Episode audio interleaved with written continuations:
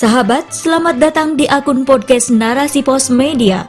Saya Mai Rohmah, inilah rubrik Opini. Minyak kita langka dan mahal, masihkah minyak kita? Ditulis oleh Ragil Rahayu SE, tim penulis inti narasipos.com. Baru saja muncul, kini sudah langka, itulah minyak kita. Di beberapa wilayah, stok minyak kita kosong sejak beberapa pekan yang lalu. Kalaupun barangnya ada, harganya sudah melesat jauh di atas harga eceran tertinggi yang tertera di kemasannya, yaitu sebesar Rp14.000. Di beberapa wilayah, minyak kita dijual hingga Rp20.000 per liter. Padahal tujuan Kementerian Perdagangan ketika meluncurkan minyak kita adalah untuk menurunkan harga minyak goreng yang saat itu mencapai Rp25.000 per liter. Lantas, mengapa minyak kita bisa langka? Ketika melakukan sidak pada 7 Februari lalu ke gudang penyimpanan minyak kita di Cilincing, Jakarta Utara, Menteri Perdagangan Zulkifli Hasan atau Zulhas menemukan 555 ton minyak kita menumpuk di gudang. Saat itu Zulhas menyebut terjadi penimbunan. Namun belakangan Satgas Pangan menyatakan bahwa tidak ada penimbunan, hanya belum didistribusikan. Menurut Menteri Perdagangan, ada empat hal yang diduga menjadi penyebab kelangkaan minyak kita, yaitu pertama, masyarakat beralih dari minyak goreng premium ke minyak kita sehingga stok tidak mencukupi. Namun, hal ini dibantah oleh Asosiasi Pengusaha Retail Indonesia, APRindo. Berdasarkan data APRindo, 85% konsumen retail masih menggunakan minyak goreng premium. Kedua, pelaksanaan program B35 yang banyak menggunakan CPO. Namun, hal ini dibantah oleh Menko Bidang Perekonomian Airlangga Hartarto. Menurutnya, program B35 justru meningkatkan pasokan minyak. Tiga, Adanya penimbunan sebagaimana temuan hasil sidak Menteri Perdagangan. Namun, hal ini dibantah oleh Satgas Pangan. Keempat, minyak kita dijual di retail modern, padahal seharusnya di pasar tradisional. Namun, hal ini dibantah oleh Aprindo karena minyak kita yang diserap retail hanya 5% dari stok yang ada. Menurut Aprindo, kelangkaan minyak kita karena produksi yang kurang. Jika produksi ditingkatkan, menurutnya kelangkaan akan terselesaikan.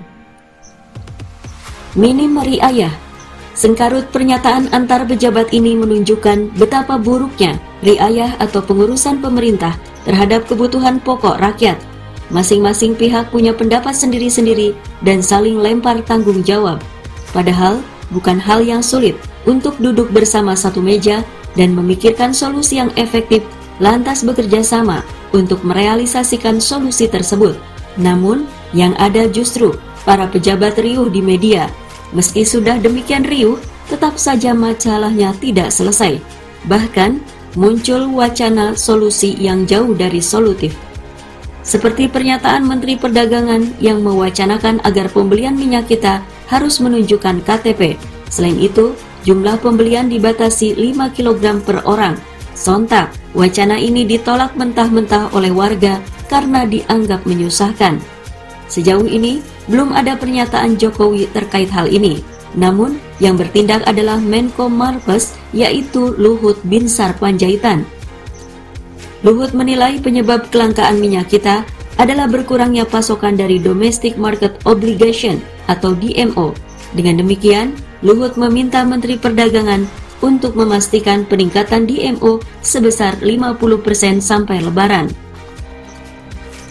Masalah minyak kita ini sebenarnya merupakan buntut dari persoalan minyak goreng yang terjadi pada 2021 lalu.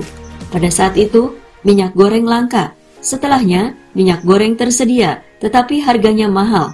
Untuk mengatasi kelangkaan dan mahalnya harga minyak, pemerintah meluncurkan minyak kita, tetapi bukannya berhasil menurunkan harga minyak goreng, justru minyak kita ikut langka dan mahal. Gemas dengan realitas ini, beberapa pihak membuat pernyataan retorik. Apakah minyak kita masih minyak kita atau rakyat? Atau jangan-jangan minyak kita sudah dikuasai oleh mereka, para mafia. Namun, mafianya siapa? Kok dia bisa begitu sakti menguasai minyak goreng milik pemerintah? entahlah.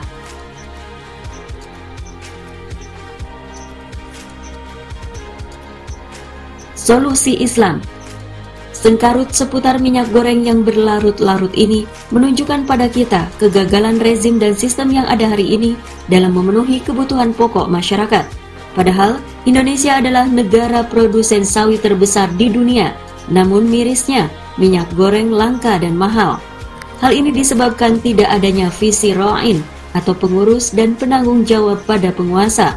Negara tidak serius mengurusi kebutuhan rakyatnya sehingga rakyat terzolimi Padahal minyak goreng merupakan kebutuhan pokok rakyat. Dalam sebuah hadis Hasan yang diriwayatkan oleh Ibnu Majah, Rasulullah Shallallahu Alaihi Wasallam bersabda, "Barang siapa di antara kalian yang berada pada waktu pagi dalam keadaan aman di tempat tinggalnya, sehat jasmaninya, dan memiliki makanan untuk hari itu, maka seakan-akan seluruh dunia ini telah diberikan kepadanya." Berdasarkan hadis ini, makanan merupakan kebutuhan pokok masyarakat yang harus terpenuhi. Jika tidak terpenuhi, akan terjadi mudorot. Oleh karenanya, sistem pemerintahan Islam atau khilafah memberikan jaminan pemenuhan kebutuhan pokok berupa makanan. Khalifah memastikan suplai bahan pangan mencukupi, berarti produksinya juga harus cukup. Khalifah juga menyiapkan gudang-gudang berisi bahan pangan sebagai cadangan jika terjadi gangguan rantai pasokan, misalnya karena gagal panen, bencana alam, dan sebagainya. Khalifah juga akan melakukan pengawasan terhadap pasar dan gudang penyimpanan para pedagang untuk memastikan tidak ada penimbunan yang bisa menyebabkan kelangkaan. Penimbunan merupakan perkara yang haram.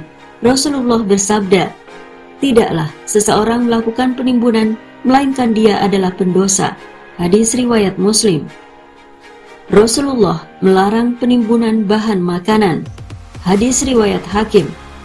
Khalifah akan memimpin seluruh bawahannya untuk segera menyelesaikan masalah kelangkaan bahan pangan secara tuntas sehingga tidak berlarut-larut.